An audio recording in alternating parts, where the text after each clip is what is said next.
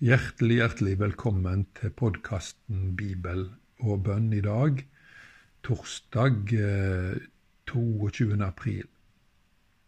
Johannes 20 blir avslutta med at evangelisten forteller oss at Jesus gjorde mange andre tegn enn de som står omtalt i boka hans, altså i Johannesevangeliet. Men de sju tegnene han nevner utover hans død og oppstandelse, de er skrevne ned for at alle skal kunne tru at Jesus er Messias, Guds sønn, og ved trua ha liv i hans navn. Jesu mirakler blir i Johannesevangeliet omtalt som tegn. Et tegn peker utover seg sjøl mot noe annet. For å ta et eksempel. Dersom du ser bløre i lakken på en bil, er dette et tegn på at det er rust på undersida. Dersom det er lys i et hus en mørk kveld, så er det et tegn på at det er folk i huset. At noen er heime. Og Det samme kan vi si dersom det ryker av ei pipe en kald vinterdag. Jesu mirakler var tegn, tegn på at Gud var heime, at han i Kristus var midt imellom mennesker, at Jesus virkelig var Guds sønn og dermed sann Gud. Jødene kjente Det gamle testamentet. Profetene hadde ofte beskrevet den messianske tidsalder som en, som en mirakuløs tid, og blinde skulle sjå, døve høyre, lamme skulle gå, spedalske bli rensa, osv. Alt dette gjorde Jesus overalt der han dukket opp. Det var tegn som skulle fortelle alle hvem han var, slik at de kunne tro på han og få noe som var enda større, nemlig evig liv. Hva med oss som lever i dag? Ser vi tegn? Ja, overalt. Hver eneste levende skapning forteller oss om en fantastisk skaper. Romerbrevet kapittel 1 sier oss at da folk kan vite om Gud, ligger åpent for dem. For både Guds usynlige vesen, Hans evige kraft og Hans guddommelighet har menneskene kunnet se og forstå av hans gjerninger heilt ifra skapelsen av.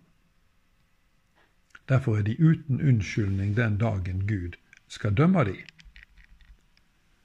I tillegg har jo vi fått Bibelen, og alt det fantastiske vi kan lese der, er skrevet for at folk skal komme til tro på Jesus, og gjennom trua få liv i hans navn.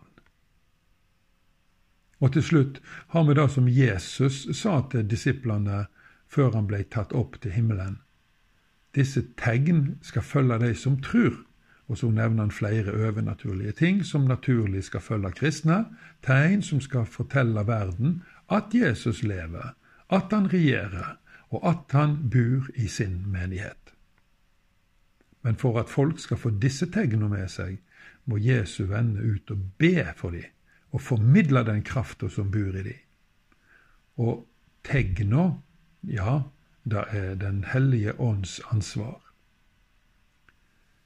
Min konklusjon blir det er ingen grunn for noe menneske til ikke å søke samfunn med den evige Gud og tru på Jesus Kristus. Tegna er krystallklare.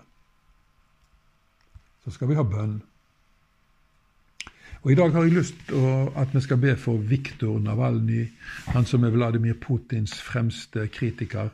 Han sveltestreiker nå i et russisk fengsel, og hans helsetilstand er kritisk. Ingen har noe å tjene på at Navalny dør. Den siste tida har vi fått visst at Navalny har tatt imot Jesus som sin Herre og Frelser, og vi ber for han. Herre Jesus Kristus, Vær nær hos din nye venn, våk over han, styrk han, hold liv i han, og la han lykkes i sin kamp mot undertrykkelse og korrupsjon i Russland. Tal til han og gi han ledelse utover det som han sjøl tenker er smart. Så skal vi i dag sammen med mange andre be for Taiwan. Taiwan er jo ei øy utenfor Kina og er en autonom, dvs. Si en eh, selvstyrende kinesisk provins. Fastlandskina har ingen makt på Taiwan, sjøl om øya er en del av Kina. Derfor er Taiwan helt avhengig av USA for å kunne opprettholde sin selvstendighet. Men folket på Taiwan eh, viser liten åpenhet for evangeliet. Mye mindre enn kineserne på fastlandet. De er svært sekulariserte, svært materialistiske. Sånn som faktisk talt de fleste nordmenn. Men likevel så er 5,6% av de medlemmer av kristne menigheter, men langt fra alle er aktive og brennende kristne. Vi ber for Taiwan. Gode Far i himmelen, du elsker også menneskene på Taiwan, og vil gjerne at de også skal elske deg og leve i samfunn med deg.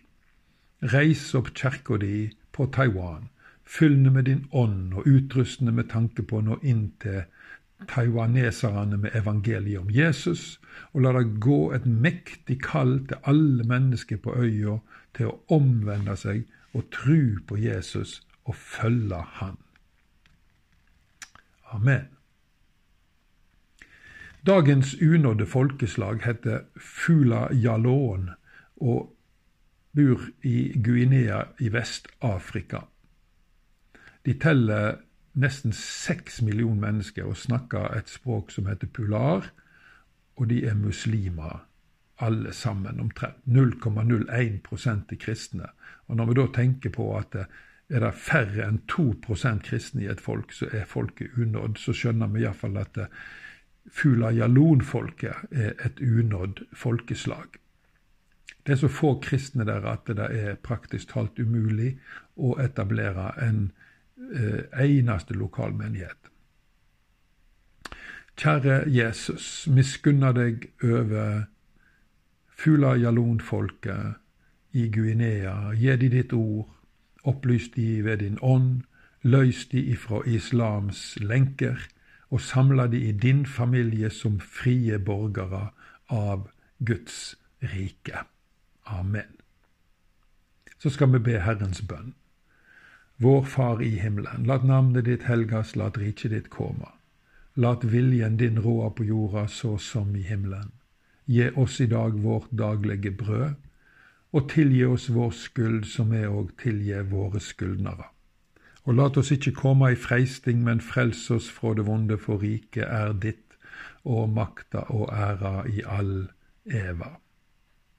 Må Herren velsigne deg og bevare deg, må Han la sitt ansikt lyse over deg og være deg nådig. Må Herren løfte sitt åsyn på deg og gi deg fred. Amen. Tusen hjertelig takk for at du lytta til dagens podkastsending lytta til Guds ord og var med i bønner. Jeg ønsker deg alt godt for resten av dagen, og velkommen igjen ved neste korsvei.